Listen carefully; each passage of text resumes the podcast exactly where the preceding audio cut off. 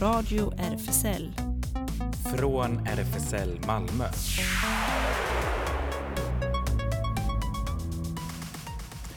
Välkommen till Radio RFSL, Riksförbundet för homosexuella, bisexuella, transpersoner, kveras och intersexpersoners rättigheter. Jonas heter jag, Claes nickar där på andra sidan glaset. Ja, hela den där långa ramsan. Jag bara bekräftar. Just den. det, ett bekräftande nickandet. Och nickan, eh, nickandet kommer också här från Ellen. Ja, ja. Jag känner mig nöjd här också. Just det. Vi Vi är sitter alla här, inkluderade. exakt, vi delar här på eh, teknikbordet. Så Claes är långt borta. Ja, alldeles Ser det knappt. ensam i den stora studion. Just det. Ja, hur är klimatet där? Är det lika blåsigt som här? Lite kallt. Ja, våren är ju över. Den är det. Nu blir det isande vindar igen från Exakt. Arktis. Mm. Och stackars Ellen får stark motvind på vägen hem i cykelvägen. Ja, det blir ännu starkare benmuskler Ja, bara. okej. Men se. eh, för ett par dagar sedan så tog jag första utomhusglassen Aha, faktiskt i okej. Strut i en park. Ja, det är glassäsongen började ju då när det var som mest nästan 20 grader Ah, här. herregud, Ja. skönt det var. Ja, men eh, det var ju inte det vi ska prata om idag, eller hur? Bara vädret. nej, Nej. Vi pratar om eh, MQF som jag nu äntligen förstått att det står för Malmö Queer Film Festival och eh, versionen 2021. Alldeles strax har vi med oss arrangören Jay på eh, den digitala telefonlinjen som ska berätta lite om den ju ändå rätt så korta variant på årets upplaga. Ja, det är bara två dagar, men Mm. vilka dagar? Precis. Och eh, sen då har vi en veckans guldkorn igen. Och eh, Ellen och jag kommer att berätta lite om Pose, den här tv-serien som jag ju fortfarande hänger kvar i första säsongen fast den släpptes ju redan 2018 tydligen. Men nu är det snart dags för säsong tre så då måste man ju verkligen kunna komma ikapp nu med kanske över en helg och titta på alla avsnitt i sträck. Sträcktitta. Precis. Och sen en hel del nyheter också. Ja, det är det. Allt ifrån dom i det hemska fallet i Stockholm. Vi har ju en annan dom som avkunnades igår i USA. Den var ju väldigt positiv. Just det. Så en, en del domar så att säga tar vi upp i nyhetsblocket också. Men låt oss börja med lite musik. Sudan Archives Not for sale.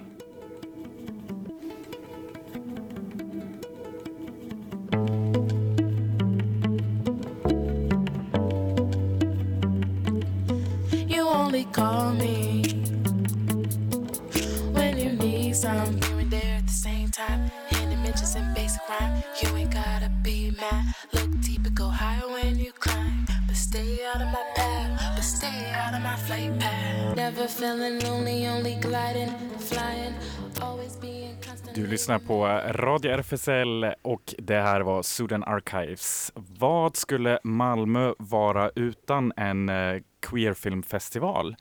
Och det är ju nu alldeles dags igen. Den 23 och 24 april nu i helgen, fredag och lördag, då är det dags igen för ett kanske lite kortare program än vanligt och också lite mer begränsat antal besökare. Men vi har oss med oss nu Jay på den digitala linjen från Malmö Queerfilm Festival. Hallå! Hej, hallå! Hur är läget? Ja, det är ju, det är ju lite nervöst nu så strax innan festivalen men jag ser väldigt mycket fram emot fredag och lördag. Ja, vad kul! Hur, eh, hur eh, ser situationen ut nu? Ni har ju bestämt er för att köra helt fysiskt då, eller? Ja, ehm, det, det, har, det har vi tänkt på från början för ehm, vi ser ju filmfestivalen inte bara som en möjlighet att visa filmer, det älskar vi, men eh, för oss är ju filmfestivalen också ett, att skapa ett queerrum, att vara en del av communityn, att träffa folk, eh, prata med folk, titta tillsammans på filmer med folk, diskutera. Um, ha det kul! Just det. Och i år blir det ju lite mer exklusivt. ehm, men så har vi bestämt oss att varje film och varje kortfilmprogram ska visas två gånger. För åtta personer.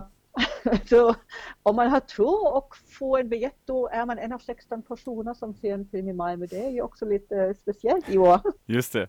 Ja, en exklusiv mötesrum då, men det, det passar ju ihop lite med temat också.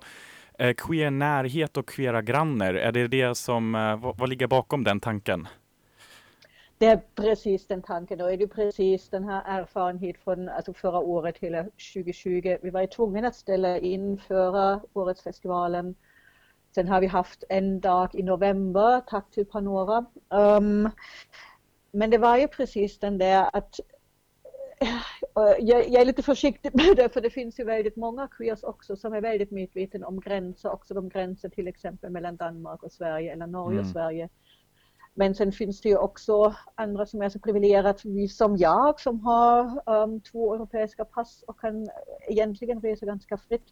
Men plötsligt kunde jag inte det. Um, jag kunde inte bara åka till mina föräldrar och se dem och besöka dem.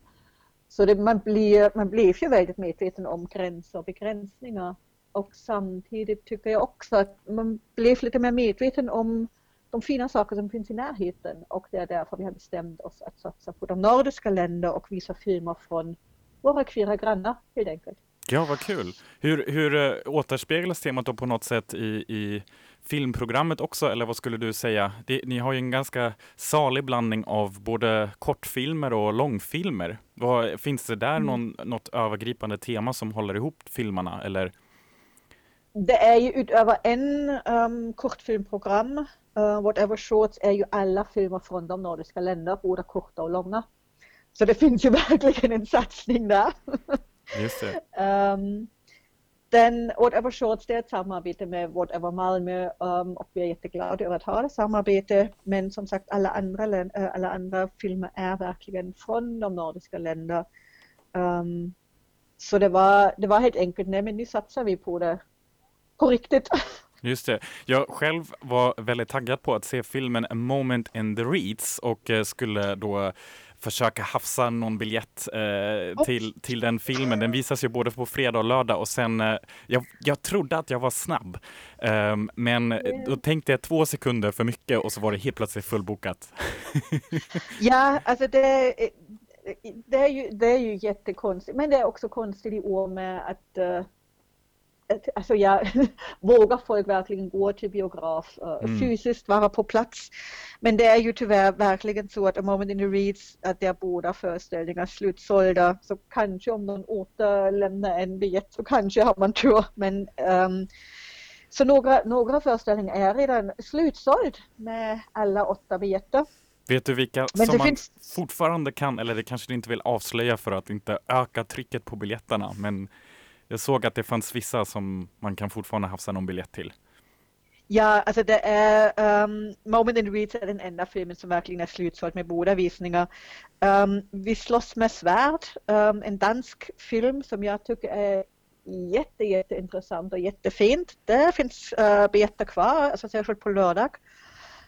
Sen finns det eh, biljetter och det är gratis biljetter. Det är ju bara att man måste behöva biljetter så att man bokar plats. Um, för de Work in Progress, det är en kortfilm som kommer heta Rasul. Um, ehm, så vi kommer se en filmklipp från, från filmen, inte hela filmen men en filmklipp och sen har vi möjlighet att diskutera um, med de två som gör filmen. Um, Lisa och Lasmi, de kommer vara med för diskussion. Um, och jag tycker det är ett jätte, jättespännande uh, projekt. Alltså filmen, jag tror att filmen kommer att bli helt underbart. Och jag ser mycket fram emot att diskutera med Lasmi och ja. uh, Lisa om filmen. Så Work in Progress finns fortfarande plats Ja, den har jag lyckats få någon biljett till, så där ska jag vara på lördag klockan tre. Precis. Ja. Men det måste ju vara väldigt uh, uppmuntrande på sätt och vis som festivalarrangör att allting är slutsålt, även om det bara är åtta platser nu då. Alltså det, det är ju det är nästan nytt. Det har, vi, det har vi inte så ofta, måste jag erkänna, i Malmö Queerfilmfestivalen. Så det är någonting, ja. Mm. Um, sen jag är lite förvånad över hur olika fördelat det är. Alltså till exempel det programmet med, och jag ber om ursäkt, jag kan inte isländska, jag tror det uttalas Fjädrafock, um, The Glitter Storm. Det är en dokumentär om uh, Reykjavik Pride. Pride. Um, jätte, jättebra dokumentär. Just och en kortfilm från Färöarna. Hur många filmer har ni sett från Färöarna? Ja, jag tänkte genast på en liten filmfestival från Färöarna, fil, eh, The Minority Film Festival eh, från Färöarna, Ja. som vi haft ju här som gäst också i radion någon gång. De kommer säkert bli jätteglada över den här filmen. Ja, vad spännande! Ja, Mm. Men, eh, och den kan man ju verkligen rekommendera, tänker jag. Jag har också funderat på att titta på den här. Det, det, det verkar vara en film som handlar om Pride-historien, den här Fjadrafock eh, från Island. Och eh, då tänkte jag, men samtidigt om jag ska titta på den, då kommer man ännu mer i den här stämningen. Men just det, Pride och massa folk och glädje. så kommer jag, kommer jag bli riktigt sentimental.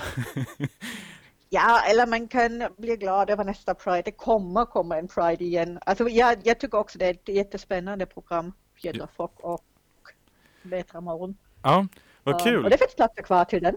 Yes, så hafsa alla ni som vill gå. Det gäller verkligen att klicka sig in nu, nu, nu på Panora så att säga. Man vet aldrig vem som Ja. bokar samtidigt. Men du, eh, tack så jättemycket för att du har varit med. Du har också valt en eh, liten önskelåt. Vill du berätta om den? Ja. Alltså det är ju, det, ja, jag fick en fråga om en önskelåda, jag tyckte det är jättesvårt. Jag måste erkänna, jag är bättre på film än på musik. Men Le Tigre, visst det är en all time favorite, tycker jag. Nice, då kommer den här. Tack så jättemycket för att du var med och lycka till. Tack själv! Hej då! Vi ses, vi ses Yes, på det gör lördag. vi.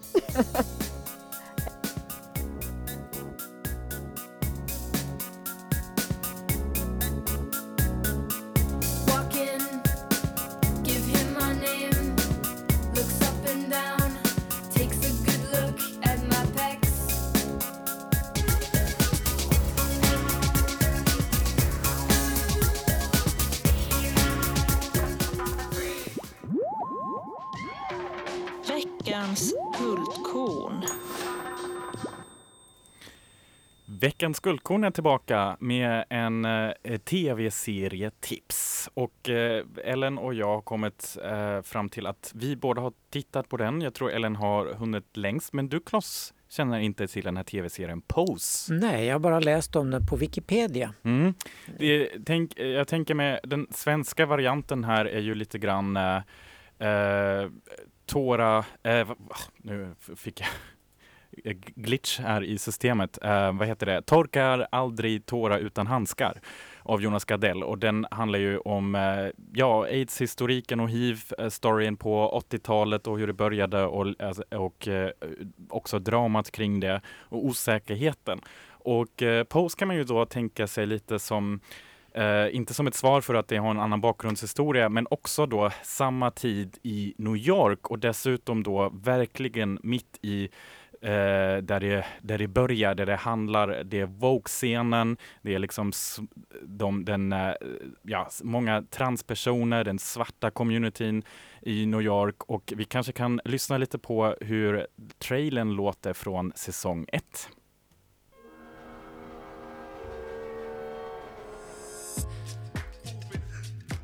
Focus, children. It is time we remind the world who we are. Jackpot. Mother, what do we take? Everything. The category is royalty.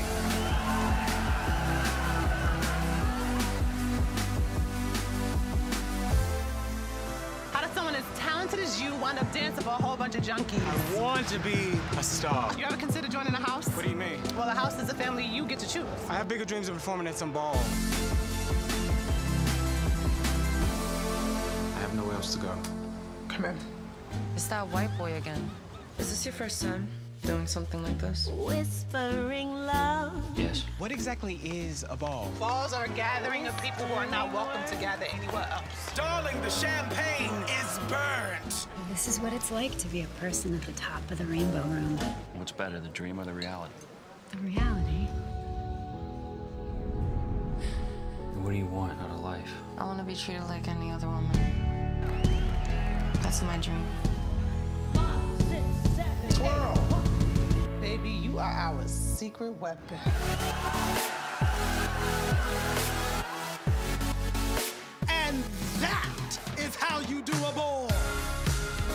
Ja, en tv-serie som verkligen skriver hbtq-historia eh, på många sätt. Och det är en serie av Ryan Murphy som har skrivit tv-historia också här genom att bland annat ha fler transpersoner i stora roller än någon annan serie. Um, det är väldigt spännande. Den kan man, uh, jag tror att den, jo i Sverige är den tillgänglig på Netflix. Och eh, många i den här tv-serien som har spelat och medverkat har också verkligen fått en, ett riktigt lyft efter den här serien. Eh, bland namnen är då, eh, det, ja, det är MJ Rodriguez, Dominic Jackson, India Moore, Hailey Sahar och Angelica Ross. Och de får sällskap av mer välkända ansikten som Evan Peters, Kate Mara och James van der Beek.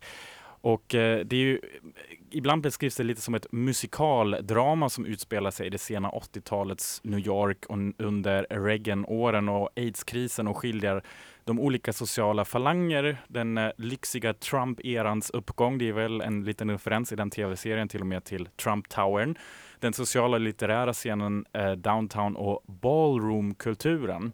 Och det är då eh, säsongen nummer ett börjar ju sätta igång 18, 1987 och slutar tydligen när Madonna släpper Vogue 1990 och på så vis gör ballroom-världen känd för ja, mainstream-publiken. Ellen, hur mycket kommer du ihåg från serien och hur länge har du, eller hur långt har du kommit? Eh, jag kommer ihåg det ganska väl eftersom eh, jag var sen på bollen med att börja titta på den. Så att, eh, och nu är jag väl minst halvvägs in på säsong två skulle jag säga, så jag ska inte komma med några spoilers. Eh, men eh, jag tycker att den är ja, högaktuell egentligen när man än ser den, liksom, fast den utspelar sig väl från början på 80-talet och in på eh, början på 90-talet. Eh, så. Och eh, det är också väldigt mycket igenkänning. Många saker som jag känns som att ja, det är mer än 30 år sedan, men jag minns dem. Jag var ung vuxen då och, eh, och minns dem verkligen. Har du något exempel, har du något exempel på det, vad som, som är så minnesvärt? Eh, ja, alltså, eh, framförallt, ja, dels, dels det här med eh, ungdomar som hade bara kastats ut av sina föräldrar eh, och eh, fick liksom hitta en annan familj eh, som kunde vara av inte så värst många år äldre andra queer. Så där, jag bodde i Japan då eh, under den tiden och var aktiv i man kan säga motsvarigheten till RFSL, eh, Sapporo då. Och eh, Eh, så att, ja, som ung vuxen så det kunde hända att vi hjälpte då liksom tonåringar, 16 17 som hade bara så slängts ut av sina föräldrar. Som inte, så det, och eh, annars också aids-krisen. Eh, mycket aktuell i Japan också. Eh, kanske också lite förskjut. Jag vet inte om det, liksom, det riktigt slog till några år senare i Japan än i USA. Och eh, samma grej där med förnekelse. Ja, först total förnekelse och sen att ja, men det förtjänar ju de här homosarna som ändå liksom lever syndigt och, eh, och sådär. Och, liksom, och, och hela eh, tillgången till eh, att folk inte hade råd, att det blev liksom ett sätt att tjäna pengar och eh, ja, så att folk dog senare också ändå i onödan när det började komma bromsmediciner som funkade men folk ändå inte hade ekonomisk tillgång till dem. Så du Claes, du minns ju kanske också den tiden, eller hur? När de första rubrikerna kom upp från USA innan det slog till i Jajamän. Sverige. Jag var med och skrev de första artiklarna om HIV och aids. Mm. Och jag tror det är också det som kanske mig som har verkligen inte varit med om den tidsperioden då. Jag är själv född 1990. Så att eh, nu när i, tänker man ju, nu har man ju kommit väldigt, väldigt långt bortsett från att eh, det fortfarande inte finns någon eh, ja, botemedel på det sättet, men eh, det är ingen dödsdom längre och det, det som vi har att kämpa mest med här i Sverige kanske fortfarande stigmatisering och sen som du sa Ellen kanske också tillgång i andra länder vad gäller själva mediciner och kvaliteten på behandlingen. Men jag blev väldigt eh, tagen ändå av just när folk i den här serien får sina besked om hiv och sen eh, filmar de inne på sjukhusen och eh, ser liksom hur hur överbelastat vårdsystemet är också för att de fortfarande inte lyckats hantera det och då kanske också just för att det är så aktuellt just nu med corona och överbelastad vård, då blir man ju lite så här, men gud, det är, är verkligen inte första pandemin vi genomgår just nu. Så att eh, det är väldigt intressant så att eh, på det sättet, eh, jag har verkligen eh, sugit åt mig den här tv-serien. Jag måste erkänna att jag lyckas verkligen inte att kolla den så här med andra serier funkar det ibland, så att man kollar avsnitt på avsnitt och direkt efter varandra. Men den här tv-serien, alltså jag måste smälta första avsnittet ändå. Och eh, jag brukar inte bli så lätt berörd av just amerikanska tv-serier, men jag måste ändå erkänna att eh, första avsnittet och så blev jag direkt tårögd. Det var starkt jobbat, så att det är några väldigt starka eh, skådespelare, bland annat karaktären eh, transkvinnan som heter Angel som har en väldigt, väldigt eh, intressant kärlekshistoria också då med en vit kille som eh, just jobbar då i den här Trump Towern och försöker precis att eh, och eh, gift och ha två barn och Angel jobbar lite som vid sidan av som sexarbetare och eh, de möts på den vägen och hur deras kärlekshistoria utvecklas eh, då också på 80-talet med alla samhällsnormer och så är väldigt, väldigt, väldigt spännande. Jättebra tips. Jag Glad att den går på Netflix, då kan jag se den. Ja, Claes. Ja, det är bara att köra på. Och nu framför allt för att eh, då eh, nästa vecka redan, då kommer ju säsong nummer tre. Det finns ju två säsonger nu ute så att eh, du har en hel del att gud. titta Jag ikapp. får ligga i. Mm och en sak som är också väldigt stor i den här serien är då ballroomkulturen och för alla som kanske funderar, ah, vad var det nu igen? Kolla in på ett äldre avsnitt här på Radio RFSL när vi pratade med Ranja som är då en riktig Vogue-fantast och själv väldigt bra på det. Um, och de, den spelar väldigt stor roll i den här serien. Man ser liksom hur de har olika tävlingar och då är musiken ju en sån otroligt viktig del också. Och oh, alltså jag märker ju det där min musikaliska själ ligger också i den tidsåldern ändå, även om jag är född senare. Så låt oss lyssna lite på en riktig klassiker också, Grace Jones, I've seen that face before.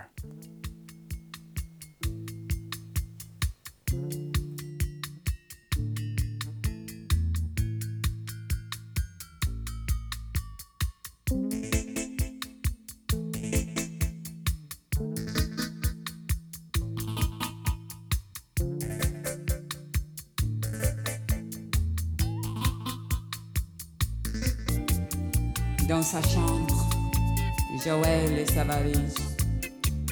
On regarde sur ses fringues, sur les murs des photos, sans regret, sans mélo. La porte est claquée. Lite franska här i slutet av Grace Jones och eh, så som sagt, det är vårt veckans tv-tips så att säga, Pose. Och eh, nu har vi den här gången idag en jäkla massa nyheter så det är alldeles dags för dem nu. Radio RFSL Nyheter. Ja, och vi nämnde ju i början här att det är flera brottsmål. George Floyds mördare dömdes ju eh, alldeles nyligen nu eh, i USA. Och det var en dom som var väntad och som blev väldigt, väldigt uppskattad naturligtvis. Äntligen! En vit polis dömd för mord på en färgad svart man. Jaja. Men idag kom också domen i fallet med den tidigare anställda på RFSL Stockholm som utsatte asylsökare för sexuella övergrepp i föreningens lokaler för några år sedan. Han dömdes till fyra års fängelse. Det viktigaste är att de som har blivit utsatta för dessa övergrepp nu får upprättelse. Vi i RFSL har ett stort arbete framöver för att se till att det här inte kan ske igen, säger RFSLs förbundsordförande Deidre Palacios med anledning av domen. Allvarliga anklagelserna eh, om övergrepp, bland annat våldtäkt, inkom 2019 och 2020 mot en då anställd hos RFSL i Stockholm. När en första, den första anklagelsen kom startades en intern utredning. RFSL Stockholms dåvarande ledning ansåg inte att den interna utredningen gav tillräckligt stöd för arbetsrättsliga åtgärder mot medarbetaren, till exempel avsked, något som man senare beklagat. RFSL Stockholms dåvarande ledning ville inte agera externt eller göra en polisanmälan mot offrets vilja. Offret ville vid det här tillfället inte göra en polisanmälan, bland annat på grund av att hen var papperslös. Frågan om detta var en korrekt hantering kommer att utredas av RFSL och riktlinjer kommer att förtydligas. När RFSL Stockholm fick mer information 2020 och offret då var redo att gå vidare med en polisanmälan och dessutom fler offer hade uppdagats startades en extern utredning med särskild expertis och den externa utredaren fick till uppgift att hjälpa offret att göra en polisanmälan. Så skedde och medarbetaren avskedades. Och kanske i samband med det um, har RFSL nu börjat inleda ett arbete med att samla in berättelser om sexuella övergrepp för att sammanställa i antologiformat. Författaren Maria Nemi kommer att vara redaktör för arbetet. Under metoo flödade det in berättelser om sexuella övergrepp från alla delar av samhället. Samtidigt lyste berättelser från hbtq i communityt med sin frånvaro. Det är så RFSL beskriver det, men självklart förekommer sånt också och många har varit med om det i olika situationer som till exempel i samband med fester, dating, möten inom organisationer då, på arbetsplatser och i hemmet. Genom åtalet och domen mot en tidigare anställd på RFSL Stockholm som Claes precis berättade har diskussioner om sexuella övergrepp i vårt community aktualiserats. Och RFSL menar att det talas för lite om våld och sexuella övergrepp i just hbtqi-sammanhang generellt och vill som organisation bygga en tydlig samtyckeskultur och värna säkra mötesplatser. Vi måste våga prata om svåra saker som så många av oss i hbtqi-communityt har erfarenhet av. Det är viktigt för RFSL att markera tydligt mot övergrepp och ta ansvar för nödvändiga, för nödvändiga förändringar med hjälp av olika berättelser och erfarenheter, säger förbundet. RFSL bjuder nu in hbtqi-personer att berätta om och få sina upplevelser synliggjorda. Berättelserna ska bli en antologi publicerad av RFSL. Antologin vill skapa samtal och ge oss en plattform för att dela våra berättelser. Genom att dela, lyssna och lära kan vi bygga ett starkare hbtqi-community och ett bättre RFSL i communityts tjänst. Den som vill dela berättelser får även information om stöd inom och utanför RFSL och om möjligheten att göra visselblåsaranmälan och eller polisanmälan. Så det är verkligen intressant hur, få se vad det kommer ge för utslag. Vi kan länka ut i vår lilla linktree som man hittar på Instagram och Facebook eh, just för den här anmälan. Det är ett dokument, ett Google-dokument som där man skriver in sig.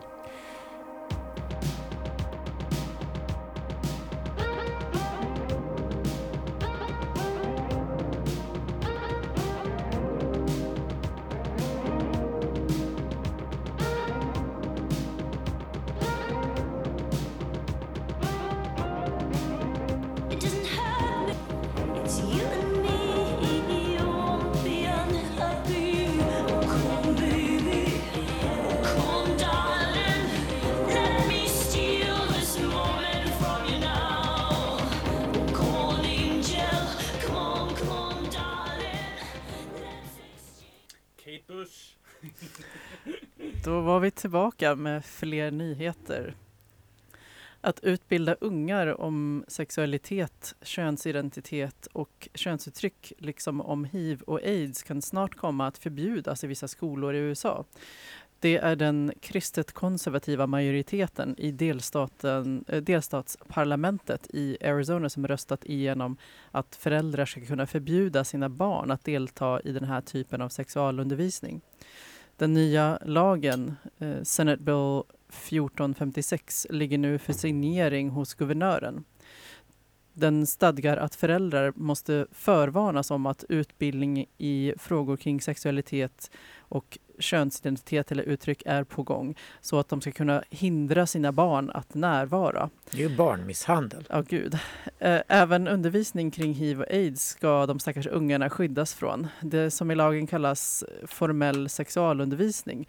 Det vill säga då då det rör grundläggande frågor om reproduktion och fysisk eh, och eh, eh, fysisk ja, omfattas dock inte. Demokraterna i Arizona varnar för att lagen blir skadlig för hbtq-barn och ungdomar och menar enligt The Hill att det även kan innebära ett brott mot USAs konstitution. USA alltså. HIV-positiva amerikaner löper hög risk att drabbas av våld i nära relationer. Var fjärde, alltså 26,3 procent, har upplevt det minst en gång, visar nya uppgifter. Resultaten kommer från en undersökning som Centers for Disease Control and Prevention, CDC, publicerade i American Journal of Preventive Medicine eh, och eh, eh, citerades i Pink News. Jag kan inte se vad jag själv har skrivit här. De använder data från Medical Monitoring Project som är ett övervakningssystem utformat för att lära sig mer om erfarenheter och behov hos människor som lever med hiv. Studien visar att hiv-positiva i USA inte bara löper högre risk för fysiskt våld från sina sexpartners utan att våld i nära relationer också kan kopplas till andra negativa hälsokonsekvenser hos personer med hiv-diagnos, till exempel ökat drogmissbruk.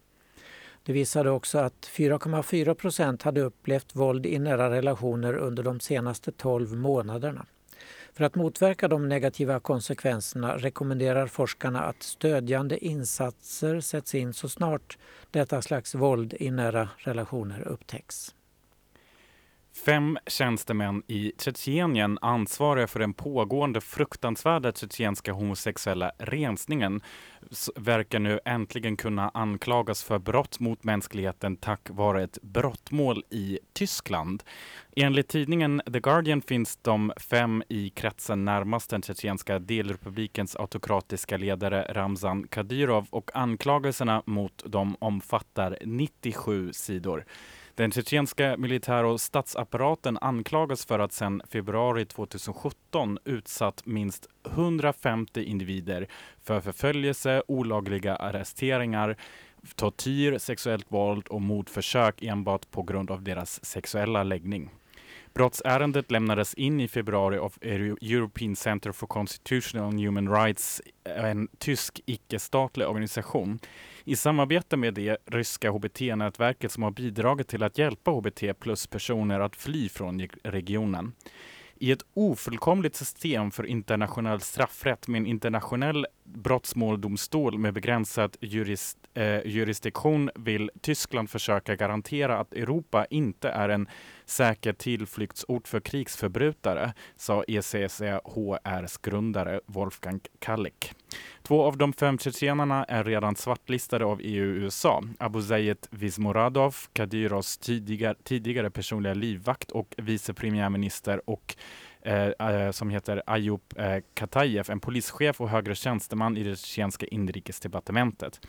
Ordföranden för det tjetjenska parlamentet, Magomed Daudov, nämns också i brottmålet. Om allmänna åklagaren i Karlsruhe beslutar att anta ärendet riskerar Kadyrovs medarbetare att arresteras om de sätter sin fot i Tyskland, dit Vismoradov uppges ha rest många gånger för medicinsk vård. Polis i Kamerun har under flera månader ökat våldet mot hbtq-personer. I slutet av februari stormade man en lokal som hjälper hiv-patienter, skriver QX. Säkerhetsstyrkor i Kamerun har gripit, hotat eller på andra sätt attackerat minst 24 personer sedan i februari. Detta rapporterar Human Rights Watch. Syftet har varit att lokalisera hbtq-personer. Homosexuella relationer är olagliga i Kamerun och människorättsorganisationer varnar nu att hbtq-personer utsätts för våld, hot och hat i allt större utsträckning. Nyhetssajten Reuters har försökt nå myndigheterna i landet för en kommentar men inte fått något svar. HRW har också skickat in dokument med vittnesmål men heller inte fått något svar. Rapporterna om ökat våld har kommit till ytan i samband med en annan händelse som rör två transkvinnor. En av personerna är en känd profil på sociala medier och går under namnet Shakiro. De greps för att ha haft på sig kvinnokläder när de var ute och åt på restaurang. De har suttit i förvar i två månader.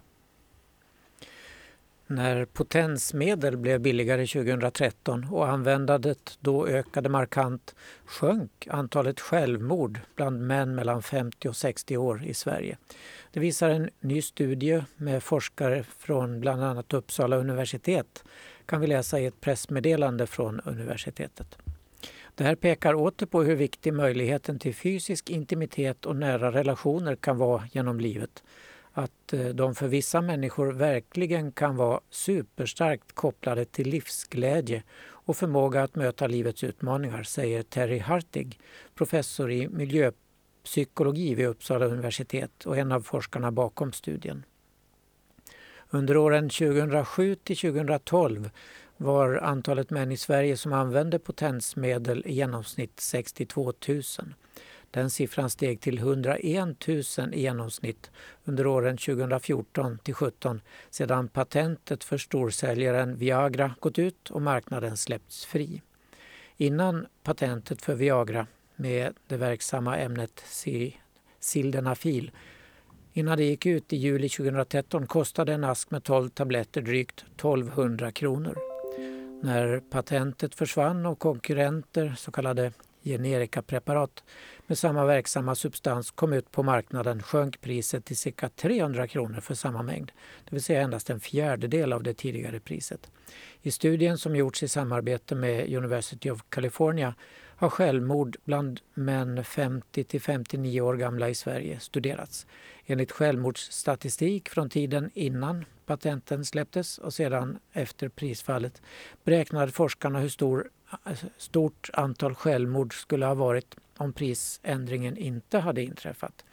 Sedan jämfördes det med faktiskt observerade dödsfallen och det pekade på 65 färre självmord än förväntat under perioden efter prisfallet.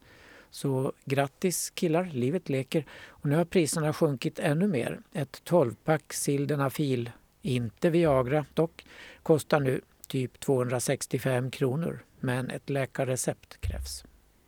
Och till sist så kan vi berätta om homofoba kräk som hotade att döda en homosexuella eh, en homosexuell man för att han planerade att måla sitt hus i regnbågsfärger. Men det fick övriga i byn att samlas och skicka ett viktigt budskap. När horartisten och öppet homosexuella Mikey O'Halloran skaffade ett hus på Phillip Island i södra Australien i februari var han inställd på att ge sin bungalow en färgstark makeover, men en del av hans grannar var inte alls med på noterna. Mikey O'Halloran är känd i Australien för sitt regnbågsfärgade hår och ville göra huset likadant. Fem tuffa machogrannar knackade på och varnade honom ytterst hotfullt för att ens tänka den tanken. De hotade honom med homofobiska uttryck och lovade komma tillbaka och döda honom om han målade huset. Och Halloran blev chockad men anmälde det hela till polisen som grep det mest hotfulla av männen och lokalpressen skrev om det inträffade. Och det fick folk att reagera. Andra grannar som eh, kom då att stödja och genom ett upprop kom över 100 personer från hela provinsen Victoria för att hjälpa till. Färg donerades av en färgtillverkare och ett eh, eh, Hy, hy var hela hans hus förhandlat till en skimrande regnbåge. Och Halloran tänker nu också organisera den första Pride-festivalen på ön och han har fått starkt stöd för detta bland lokala organisationer. Vi kan länka ut till det, och det får mig att tänka på flera saker här direkt. Att eh, Det ena är ju att vad skulle de här machogrannarna säga om alla de här färgglada husen här i Sverige ibland? Så här, när man är Sist när jag var i Göteborg så såg jag ibland så här rosa, blå, det, det är ju nästan lite regnbågsfärger på en hel rad. Och sen tänkte jag på, här i Malmö har vi ju så fint med alla nya regnbågsbänkarna. Ja, det är jättefint. Nu inför Pride, så att uh, det kanske machokillarna inte heller skulle Nej, göra. Nej, oh, de skulle inte våga ja. sätta sig på dem. Helst inte komma till Sverige, tack. Nej, håller borta. Och passande till det så Our House Madness.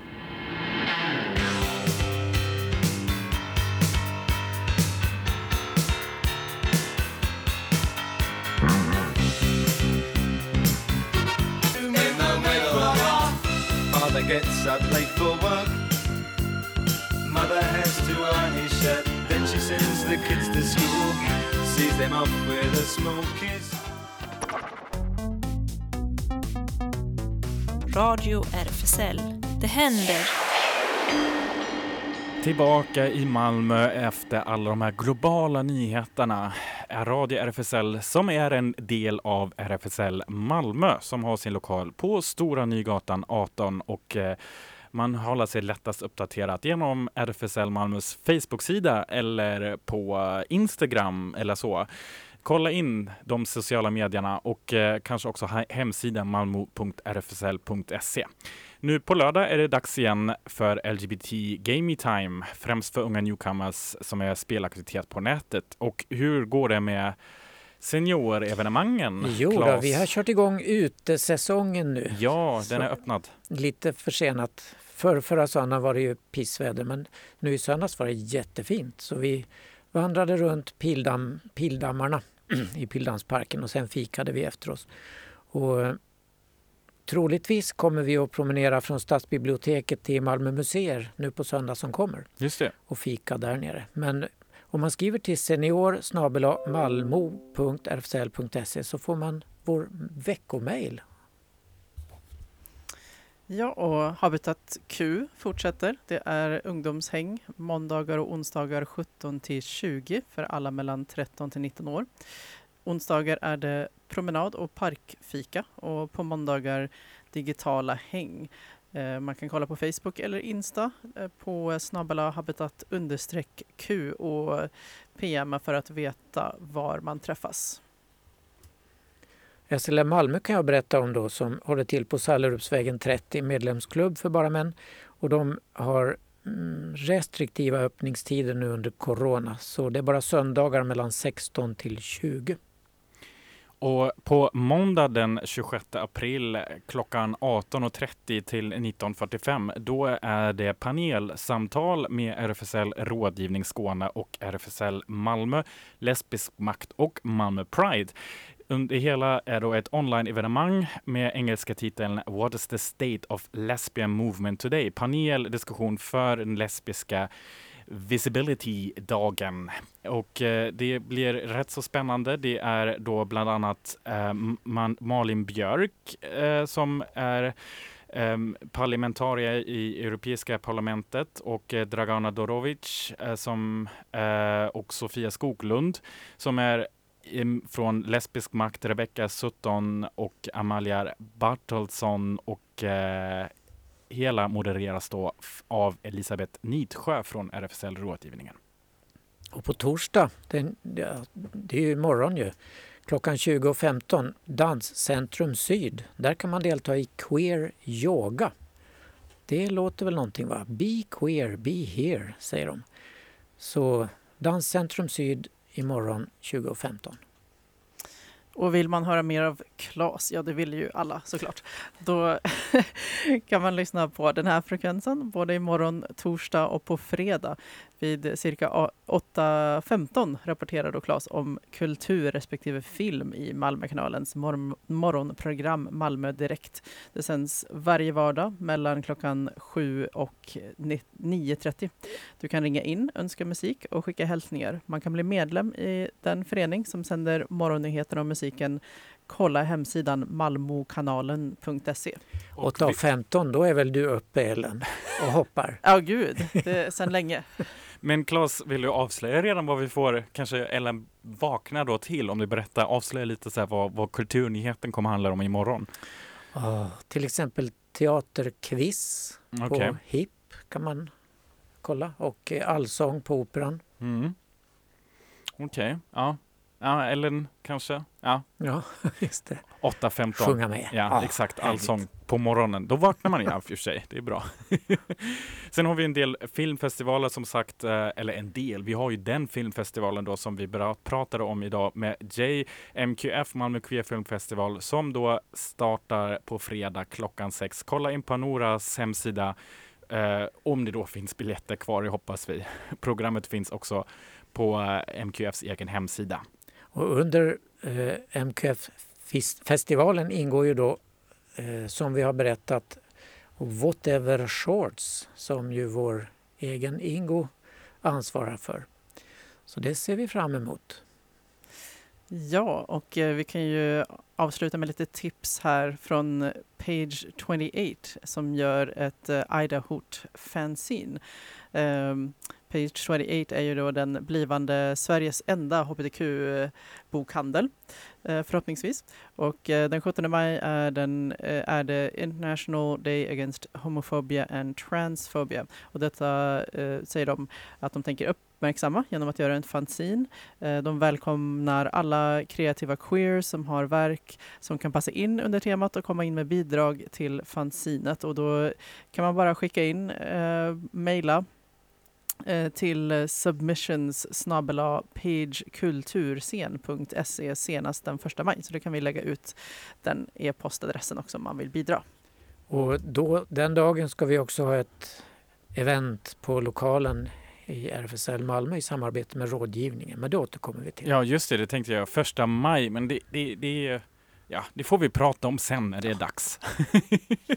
nu får vi väl klara den här helgen, tänker jag. Klara och klara, men för det verkar ju, det där li, blir lite blåse. Om Kallt igen. Ja, Mm. vår lilla hbtq-väderrapport. Vad rekommenderar den? Hålla sig hemma, eller? Nej då, seniorerna ska ut och vandra. Mm, vi får det. gå fort så vi håller värmen. Just det, och eh, inte blåsa iväg. Nej, det. Vi blåser ut er nu med en sista låt som jag fick rekommenderad av en vän igår. Den eh, har titeln We've Maria, men sen i parentes We've Lost Dancing och den är superaktuell. Den märks verkligen. Lyssna noga nu på orden. Den har skrivits under corona nu. Det är alltså någon, och jag håller verkligen eh, med här, någon som saknar det här gemensamt dansandet. Men med detta sagt dansar vi ut er från Radio RFSL idag. Vi hörs nästa vecka igen. Hej då! Hej då!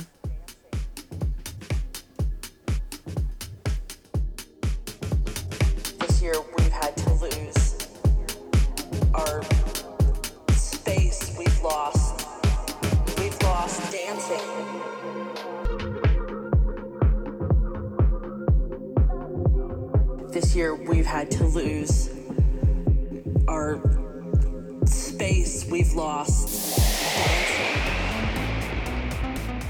Det här var Radio RFSL. från RFSL Malmö.